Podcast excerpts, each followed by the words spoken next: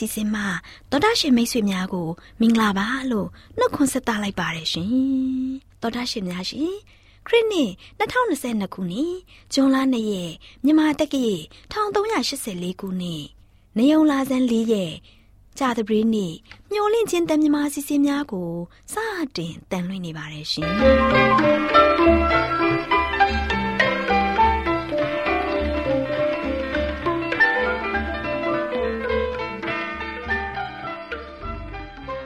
တော်တာရှင်များခင်ဗျာမျောလင့်ချင်းအတန်မြန်မာအစီအစဉ်ကိုနက်နက်6နာရီမိနစ်30မှ9နာရီအထိစကြောင်းမီတာ kHz တစ်ခွန်ခွန်23ညညပိုင်း9နာရီမှ9နာရီမိနစ်30အထိ25မီတာ kHz 11943ညမှအတန်လွှင့်ပေးနေပါတယ်ခင်ဗျာဒီကနေ့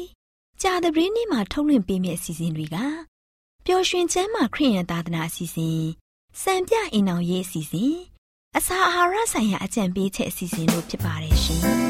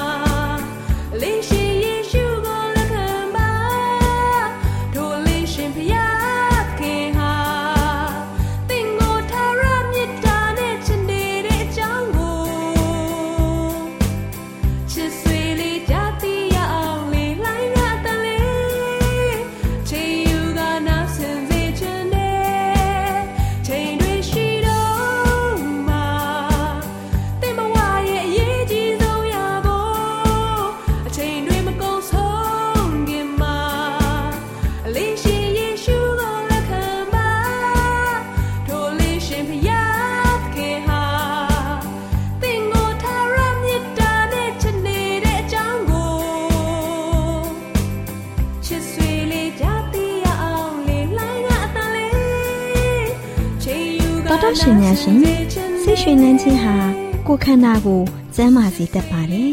ခရိယန်သာသနာလုပ်ငန်းမှာလည်းပျော်ရွှင်မှုရှိဖို့လိုအပ်ပါတယ်ရှင်ဒါကြောင့်ပျော်ရွှင်ကျမ်းမာခရိယန်သာသနာအကြောင်းကိုတင်ဆက်ပေးမှာဖြစ်ပါတယ်ရှင်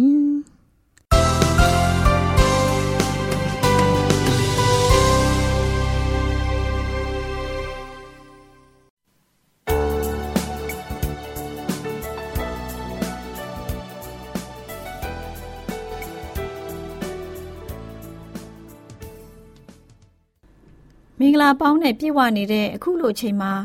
တောတရှင်များကိုမင်္ဂလာပါလို့ဥစွာနှုတ်ခွန်းဆက်သလိုက်ပါရရှင်တောတရှင်များရှင်ဝိညာဉ်တော်စာပေဆိုတာ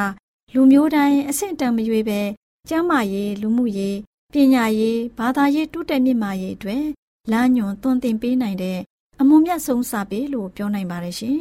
ဒါကြောင့်ပျော်ရွှင်ကျမ်းမာခရိယန်သာသနာဆိုတဲ့ဝိညာဉ်တော်စာပေရဲ့လမ်းညွန်သွန်သင်ချက်ကိုကျမအနေနဲ့ ဝိညာဉ်ရေးကုသမှုဆိုတဲ့အကြောင်းနဲ့ပတ်သက်ပြီးတင်ပြပေးမှာဖြစ်ပါတယ်ရှင်။သောတာရှင်များရှင်တခင်ခရစ်တော်စီကိုယောဂပျောက်ကင်းဖို့လာတဲ့သူအမြောက်အများဟာ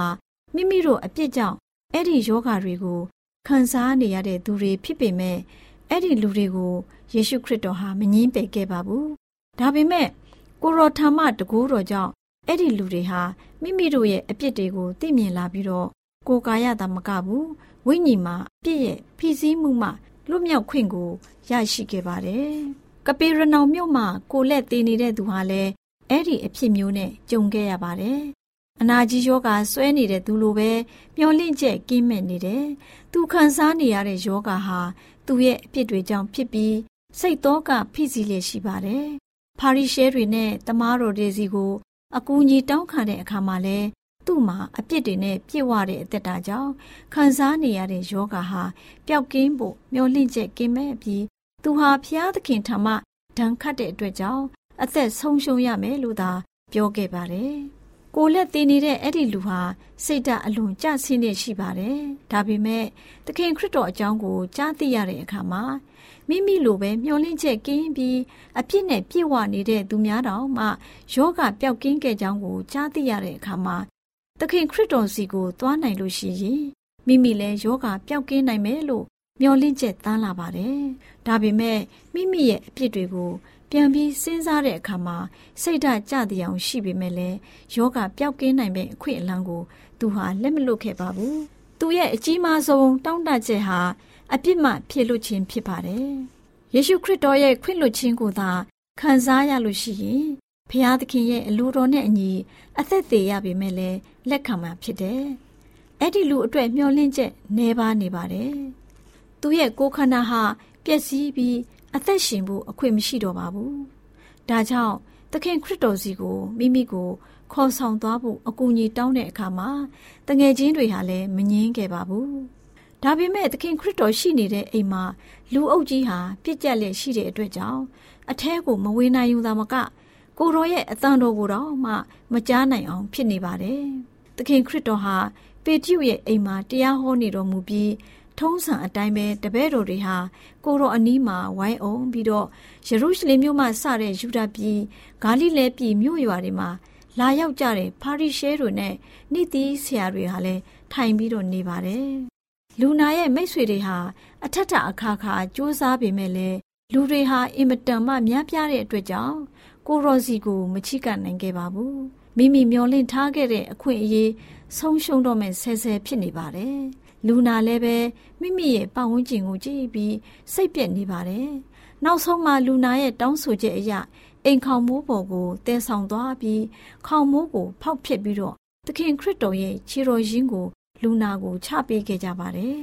လူတွေဟာရုပ်ရုပ်သဲသဲဖြစ်လာပြီးကိုရောဟာစိတ်ပြက်ဖွယ်ကောင်းတဲ့အခြေအနေနဲ့ အသနာခံရရှိတဲ့မျက်လုံးတွေကိုကြည့်တော်မူတဲ့အခါမှာအဲ့ဒီလူရဲ့ကြီးမားတဲ့ဝန်တုပ်ကြီးကိုသိနာလေတော်မူခဲ့ပါတယ်။မိမိအိမ်မှာရှိစဉ်နောင်တရဖို့သခင်ခရစ်တော်ကသူ့ရဲ့စိတ်ကိုလှုပ်ဆော်တော်မူခဲ့ပါတယ်။မိမိရဲ့အပြစ်တွေကိုနောင်တရပြီးဝန်ချတောင်းပန်ပြီးတော့သခင်ခရစ်တော်ကိုယုံကြည်တဲ့အခါမှာသခင်ခရစ်တော်ဟာသူ့ရဲ့စိတ်နှလုံးကိုကောင်းကြီးပေးခဲ့ပါတယ်။အပြစ်သားတွေရဲ့တူးဒီသော ကဲတင်ပိုင်သူအဖြစ်လက်ခံပြီးယုံကြည်ခြင်းဟာအင်မတန်မှသေးငယ်တဲ့မိဘွားလေးမှတဖြည်းဖြည်းကြီးမားလာပြီးတော့နောက်ဆုံးမှာကိုရရှင်ရဲ့ရှေ့တော်ကိုရောက်ရှိသည့်တိုင်အောင် ကြီးမားလာခဲ့တာကိုယေရှုခရစ်တော်ဟာသိခဲ့ပါတယ်။ဒီခါမှာယေရှုခရစ်တော်ဟာတာယာဖွယ်ကောင်းတဲ့စကားတော်တွေကိုမိန့်တော်မူခဲ့ပါတယ်။ဘယ်လိုမိန့်တော်မူခဲ့လဲဆိုရင်ငါသားမစိုးရိမ်နဲ့သင်ဤအဖြစ်ကိုလွတ်ပြီလို့ဖော်ပြခဲ့ပါတယ်။လူနာရဲ့စိတ်နှလုံးမှာ ပြည့်ရဲ့ဝန်တုပ်ကြီးဟာလွင့်စင်သွားပြီးသခင်ခရစ်တော်ကိုသာယုံကြည်အားကိုးလာခဲ့ပါတယ်။မိမိရဲ့နာကျင်မှုတွေဟာပျောက်ကင်းသွားပြီးကိုယ်ခန္ဓာတစ်ခုလုံးဟာပြောင်းလဲသွားခဲ့ပါတယ်။လူနာဟာဆက်လက်တောင်းဆိုမှုတွေမပြုတ်လို့တော့ပဲမဖော်ပြနိုင်တဲ့ဝမ်းမြောက်မှုနဲ့ပြည့်ရှံပြီးတော့ငြိမ်ငြိမ်သက်သက်နဲ့နေပါတယ်။လူအမြောက်အများဟာအဲ့ဒီထူးခြားတဲ့ပြောင်းလဲမှုကို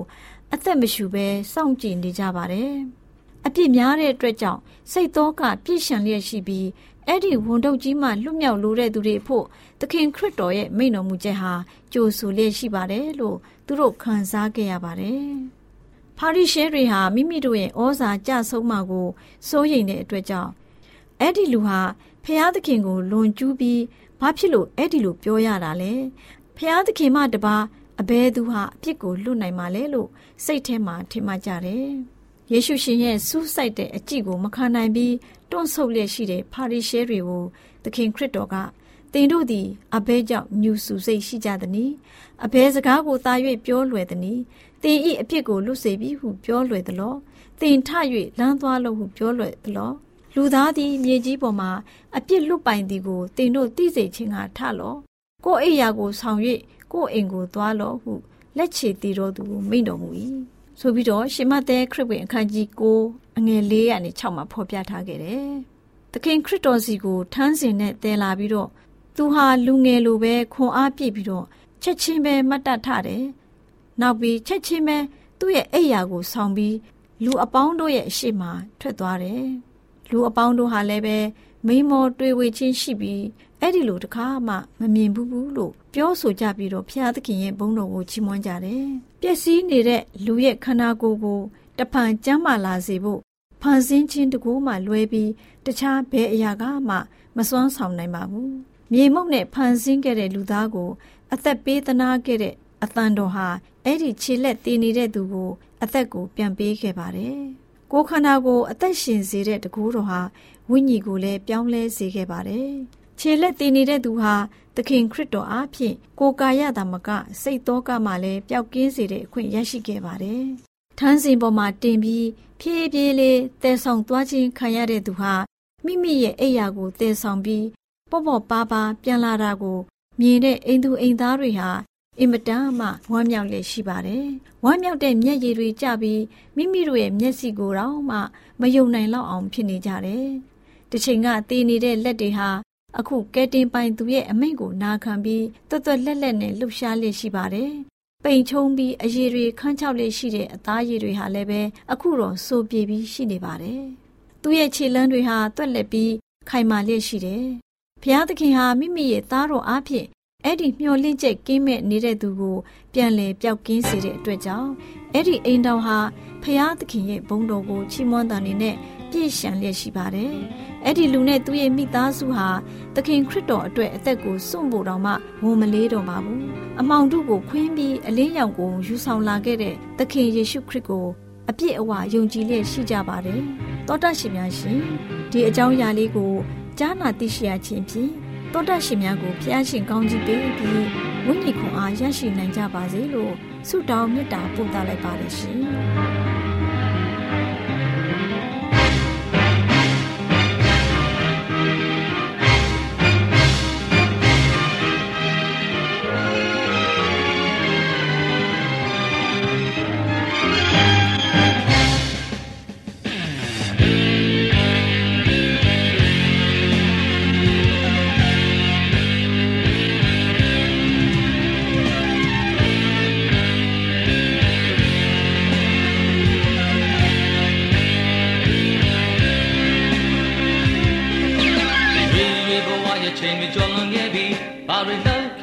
ဆက်ပါတွေဖြစ်အောင်မယ်။ကိုင်းရဲ့လမ်းရဲ့ခြေရမေးကြည့်ခြင်းဝေဝါ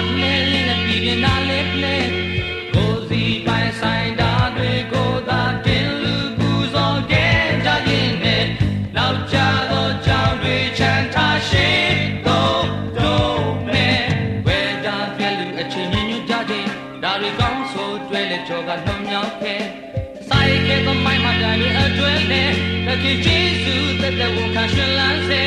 အမြင်မမှန်သူတွေအမှန်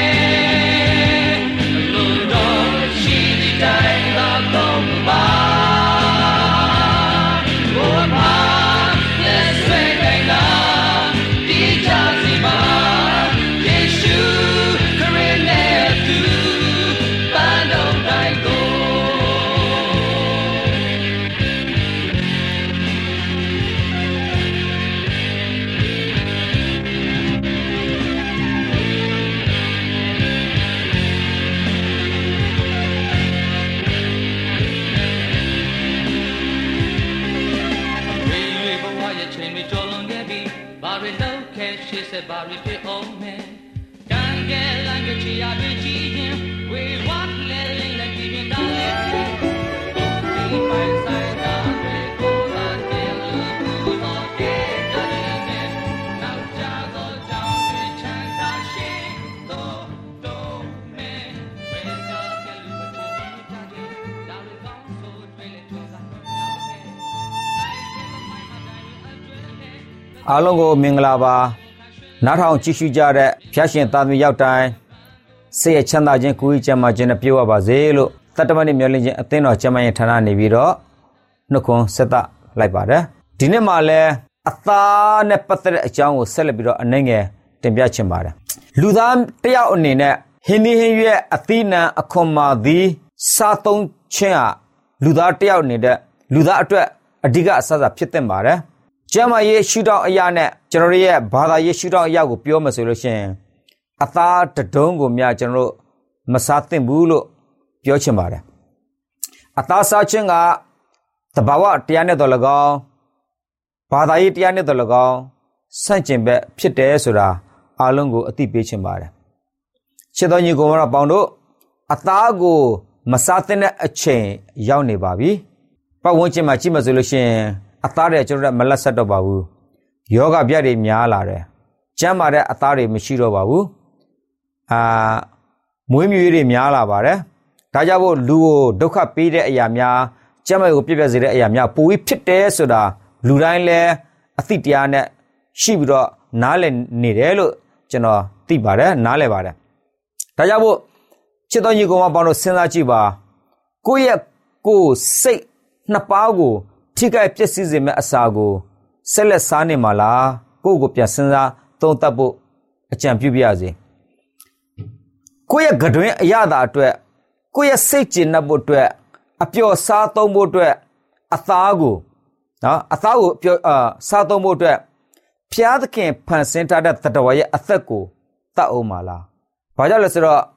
အသားစားမယ်ဆိုလို့ရှိရင်တတဝရဲ့အသက်ကဆုံးရှုံးရတာ တတ်ချင်းခံကိုယ်တိုင်တတ်သည်ဖြစ်စေမတတ်သည်ဖြစ်စေတတော်ရဲ့အသက်ကဆုံးရှုံးနေတာဖြစ်ပါတယ်ပြန်စဉ်းစားကြည့်ပါကိုအသားစားတိုင်းတတော်ရဲ့အသက်ကဆုံးရှုံးနေဆိုတာနားလည်ရမှာဖြစ်ပါတယ်ဒါအပြင်တခြားသောသူများထက်တတမနဲ့မျောလင့်ခြင်းအသင်းသားတွေကိုဘယ်လိုပြောချင်လဲဆိုတော့ဖျားသခင်ဒုရချင်းကြွလာခြင်းကိုမျောလင့်တဲ့သူတွေဖြစ်တဲ့အတွက်ကြောင့်ယုံကြည်သူများသည်အသားစားခြင်းဓလေ့ကိုအဆုံးမှာဆွန့်လွတ်ရမှာဖြစ်ပါတယ် အဆုံးမှာကျွန်တော်အသင်းတော်မှာဆိုလို့ချင်းဒီຢာတွေပျောက်ကွယ်ဖို့လိုအပ်ပါတယ်ဒါကြောင့်ဖျားသခင်ကိုချစ်တဲ့သူရဲ့ဟင်းလျာထက်မှာအသားဟင်းလျာဆရင်ပါဝင်တော့မှာမဟုတ်ပါဘူးမိမိကရင်ကိုအလိုလိုက်ပြီးတော့အသားကိုစားသုံးရမယ့်အရာကလူသားများရဲ့လွတ်ဆောင်တဲ့အလုပ်မဟုတ်ပါဘူးကျွန်တော်ရဲ့ကကျွန်တော်ရဲ့မြန်မာချက်ကကောင်းငင်ဖြစ်တယ်ထာဝရအသက်လူချင်းတဲ့အရာဖြစ်တယ်ကောင်းငင်သားအသိုက်အဝမ်းနဲ့မေတ္တာရဖွင့်နိုင်ဖို့အတွက်မိမိကိုယ်ကိုတန့်ရှင်းဖြူစေအောင် စ조사လှုပ်ဆောင်နေသောသူများကအရာခတ်သိမ်းမှာချုပ်တည်ခြင်းအကျင့်ကိုကျင့်ဖို့လိုအပ်ပါတယ်။မျိုးရခြင်းအသိအသင်သားများနဲ့တကွကျွန်တော်တို့ဒီမှာကြည့်နေကြတဲ့ညီကိုမောင်တို့အပေါင်းအားလုံးအသားကိုဖြတ်ပါဖျားရှင်နှစ်သက်တဲ့အရာများကိုကြိုးစားဖို့အတွက်လှုပ်ဆောင်ဖို့အတွက်စားသုံးဖို့အတွက်ကျွန်တော်နဲ့တိုက်တွန်းအပိရှင်နဲ့တူတနရအောင်မြင်နိုင်မှုအတွက်လည်းဆုတော်မေတ္တာပို့သလိုက်ပါတယ်။ရောက်တိုင်းပေါ်ဖျားရှင်ကောင်းချက်ပေးပါစေမကောင်းတဲ့အရာကိုအောင်နိုင်တဲ့သူများ ကောင်းတဲ့အရာကိုဆောင်နိုင်တဲ့သူများဖြစ်ကြပါစေ။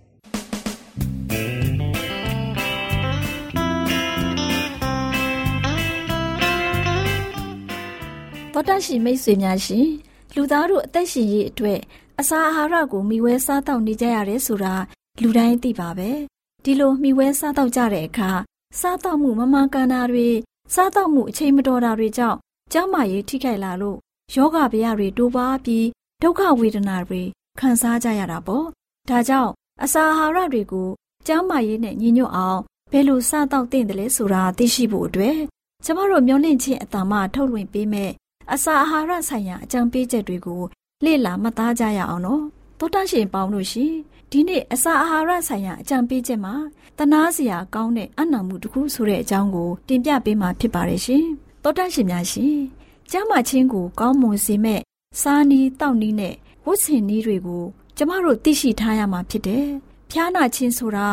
ကျမ်းမာရေးစီးမြင်တွေနဲ့တဘာဝတရားတွေကိုချိုးဖောက်ခြင်းရဲ့အကျိုးဆက်တစ်ခုဖြစ်ပါတယ်။လူတို့ရဲ့အဓိကတာဝန်မှာကျမ်းမာရေးစီးမြင်တွေအပါအဝင်ဖျားသခင်ရဲ့ပညာစီးမြင်တွေကိုနားထောင်လိုက်လျှောက်ခြင်းဖြစ်ပါတယ်။ဒါပေမဲ့ထာဝရဘုရားသခင်ဟာတနာကျင်နာခြင်းကောင်းမြတ်ခြင်းတို့နဲ့ပြည့်စုံတဲ့အတွက်ကျမ်းမာရေးစီးမြင်တွေကိုချိုးဖောက်တဲ့အတွက်ကြောင့် ကျမ်းမာရေးချို့တက်နေတဲ့အချိန်ကြာမှ အလင်းတရားရရှိတဲ့သူတွေဟာအမှန်တကယ်သဘောပေါက်ပြီးနောင်တရခဲ့ကြမယ်ဆိုရင်အဲ့ဒီတနာစရာကောင်းတဲ့နာမကျမ်းတဲ့ရှစ်ကောင်ကိုတော့မှဖျားသခင်လက်ခံတော်မူပါတယ်။နောင်တရတဲ့အဲ့ဒီယောဂတဲ့ရဲ့ကြံတဲ့အသက်တာကိုမငင်းပယ်ခြင်းအရာမှာဖျားရှင်ရဲ့ဂရုဏာတော်ဟာကြီးမြတ်လာပါတယ်။ဖျားရှင်ဟာဘာကြောင့်ကျမ်းမာခြင်းနဲ့ ပြုပြင်မှုဆိုင်ရာအလင်းကိုပေးရတယ်လဲဆိုရင်မကောင်းတဲ့အကျင့်တလေးတွေကိုလိုက်စားခြင်းကြောင့်အတိတ်ကာလမှာမျိုးဆက်တွေအပေါ်မှာကြားရောက်နေတဲ့အမောင်တုကြီးကိုတအားအသမျှဖယ်ရှားပစ်နိုင်ဖို့အတွက်ရောချုပ်တီးမှုကင်းမဲ့ခြင်းကြောင့်ဖြစ်ပေါ်လာတဲ့မကောင်းမှုအကျိုးဆက်တွေလျော့ပါသွားစေဖို့အတွက်ရောဖျားသခင်ဟာလူတွေကိုအလင်းပေးတော်မူခဲ့ခြင်းဖြစ်ပါတယ်။ဒီခေတ်ဒီခါမှာဖြစ်ပျက်နေတဲ့ရိုးရွင်းပျက်စီးခြင်းတွေမှာနှိမ့်မျောမသွားနိုင်စေဖို့အတွက် လောကဆိုင်ရာပြုမှုကြည်ကြံမှုတွေနဲ့ကင်းဝေးနိုင်မဲ့အခြေအနေထဲကိုမိမိရဲ့လူတွေကိုဆောင်ကျင်းဖို့တကိုးရှင်ညံတော်အဖြစ်ထာဝရဘုရားသခင်စီမံတော်မူပါတယ်။ယုံကြည်သူမိသားစုတွေနဲ့သားသမီးတွေဟာခရစ်တော်ဘုရားရဲ့ကိုယ်စားလှယ်တွေထာဝရအသက်ကိုဝင်စားရမယ့်သူတွေအဖြစ်မာမမမရပ်တည်နေတာကိုဖျားသခင်ဟာလိုလားတော်မူပါတယ်။ဖျားသခင်ထံမှခွန်အားရယူပြီးတော့အသက်ရှင်နေထိုင်တဲ့သူတွေဟာ ဒီလောကကြီးထဲမှာ လောကပျော်မှုခံစားခြင်းအပြင်ဖြစ်ပျက်နေတဲ့ဖောက်ပြန်ပျက်စီးမှုတွေနဲ့ကင်းလွတ်ကြလိမ့်မယ်။ဒါပေမဲ့ပါဇက်အလိုကိုလိုက်နေတဲ့သူတွေအတွက်ခရိယန်စုံလင်ခြင်းကိုရရှိနိုင်ဖို့မလွယ်ကူပါဘူး။ကြားရောက်နိုင်တဲ့အန္တရာယ်တွေမှကင်းလွတ်နိုင်စေဖို့ဖျားသခင်ဟာနောက်ဆုံးသောနေ့ရက်တွေမှာအသက်ရှင်နေထိုင်လျက်ရှိတဲ့လူသားတွေအပေါ်ကိုကြားမှချင်းဆိုင်ရာပြုပြင်ပြောင်းလဲရေးအလင်းကိုထွန်းလင်းစေတော်မူပါတယ်။စာရန်ကလည်းလူသားတွေကို ကတွင်အလိုကိုလိုက်ပြီးအာသာရမဲ့အလိုကိုဖြည့်ပြီးတော့ဘယ်အရာကိုမှအလေးမထားပဲမိုက်မဲတဲ့လှုပ်ဆောင်မှုတွေနဲ့အချိန်ဖြုံးပြီးအသက်ရှင်နေထိုင်အောင်အစွမ်းကုန်စ조사သွေးဆောင်နေပါတယ်။လောကပျော်ရွှင်မှုတဲ့မိမိကိုယ်ကြိုးလွန်ကဲတဲ့ပျော်ရွှင်မှုတွေနဲ့ပြည့်ဝတဲ့အသက်တာများရဲ့ဆွဲဆောင်မှုတွေကိုလည်းသူဖော်ပြပေးနေပါတယ်။ချုပ်တီးခြင်းကင်းမဲ့မှုကြောင့်ကိုယ်စိတ်နှပါရှိခွန်အားတွေကုံဆုံးသွားပါတယ်။ အဲ့ဒီလိုကြဆုံးတဲ့သူတွေဟာဖြောက်မှတ်ခြင်းတရားရဲ့ရန်သူကြီးဖြစ်တဲ့စာရန်ရဲ့ထိန်းချုပ်မှုအောက်မှာရှိပြီးသူ့ရဲ့ပိုင်တဲ့ထဲကိုမိမိကိုယ်ကိုမိမိစွန့်ပစ်နေခြင်းဖြစ်ပါတယ်။တကိုယ်ရဲ့ကျမ်းမာဖို့အရာရာချုပ်တီးခြင်းဟာအဓိကကြတယ်။စားတော့တဲ့အခါမှသာမကဘူးအလုတ်လုတ်တဲ့အခါမှာလည်းချုပ်တီးခြင်းရှိရပါမယ်။တန်ရှင်းဖြူစင်တဲ့အသက်တာနဲ့အသက်ရှင်နေထိုင်လိုသူတွေအနေနဲ့ဖယားရှင်ပြင်ဆင်ထားတဲ့အကောင်းဆုံးစားတော့နေထိုင်ပုံကိုသိရှိဖို့အတွက် သူတို့အနေနဲ့ချုပ်တီးခြင်းအကျင့်ကိုနေ့စဉ်ကျင့်သုံးခြင်းအပြင်အမှန်တရားကိုတန်ရှင်းစင်ကြယ်လာစေဖို့အတွက်ယုံညံ့နှိပ်ကြတဲ့အစားအသောက်တွေကြောင့်ဖြစ်ပေါ်လာမဲ့မကောင်းကျိုးတွေအတွက်ကာကွယ်ဖို့ဖျားသခင်ဟာကျမ်းမာရေးပြုပြင်ပြောင်းလဲခြင်းဆိုင်ရာအလင်းကိုပေးသနာတော်မူခဲ့ပါတယ်။ကိုယ်စိတ်ဝိညာဉ်သုံးပါးစလုံးဖွံ့ဖြိုးတိုးတက်မှုအတွက်အထုအထိတ်ကိုရောက်အောင်ပို့ဆောင်ဖို့ကျမ်းမာခြင်းပြုပြင်ပြောင်းလဲရေးဆိုင်ရာတည်င်းစကားရဲ့ရည်ရွယ်ချက်ဖြစ်တာကိုထားဝစဉ် မှတ်သားကြဖို့အတွက်ဒီနေ့အစာအာဟာရဆိုင်ရာအကြံပေးချက်ကဏ္ဍမှာကျမ်းမာရေးအတွက်အကြံပေးတင်ပြလိုက်ပါရရှင်။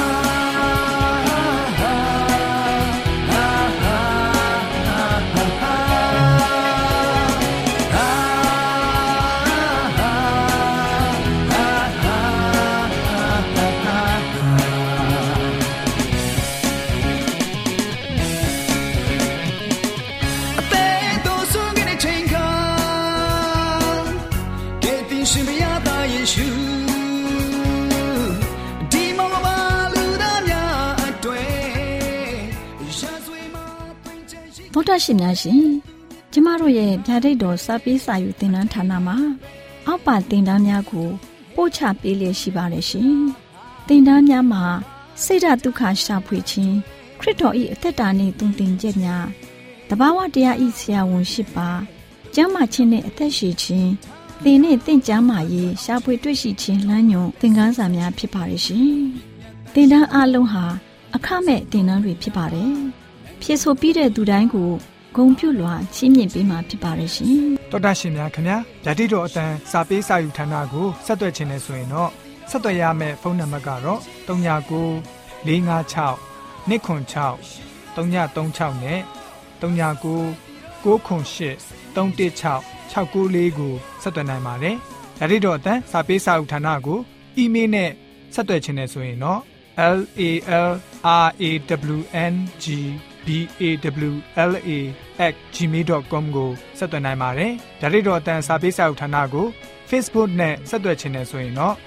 s o e s a n d a r Facebook အကောင့်မှာဆက်သွင်းနိုင်ပါတယ်။ AWR မျော်လင့်ခြင်းအတန်ကိုအားပေးနေတယ်တော်တာရှင်များရှင်မျော်လင့်ခြင်းအတန်မှာအကြောင်းအရာတွေကိုပုံမသိရှိပြီးဖုန်းနဲ့ဆက်သွယ်လိုပါက39ကို2939 3926ခွန်45နောက်ထပ်ဖုန်းတစ်လုံးအနေနဲ့ 39ကို688 664 48ခွန်ကိုဆက်သွယ်နိုင်ပါတယ်ရှင် AWR မျော်လင့်ခြင်းအတန်ကိုအားပေးနေတဲ့သောတာရှင်များခင်ဗျာမျော်လင့်ခြင်းအတန်ကအကြောင်းအရာတွေကိုပုံမသိရှိလိုပြီးတော့ဖုန်းနဲ့ဆက်သွယ်လို့မယ်ဆိုရင်တော့39 253 326 945နဲ့39 688 464 48ခွန်ကိုဆက်သွင်းနိုင်ပါတယ်။ တော်တာရှင်များရှင် KSTA အာကခွန်ကျွန်းမှာ AWR မျိုးလင့်ချင်းအတံမြန်မာအစီအစဉ်များကိုအတံလွှင့်တဲ့ခြင်းဖြစ်ပါတယ်ရှင် AWR မျော်လင့်ခြင်းအတန်ကိုနာတော်တာဆင် gay ကြတော့တောတာရှင်အရောက်တိုင်းပေါ်မှာဘုရားသခင်ရဲ့ကြွယ်ဝစွာသောကောင်းကြီးမင်္ဂလာတက်ရောက်ပါစေကိုစိတ်နှဖျားစမ်းမွှေနှမ်းကြပါစေကျေးဇူးတင်ပါတယ်ခင်ဗျာ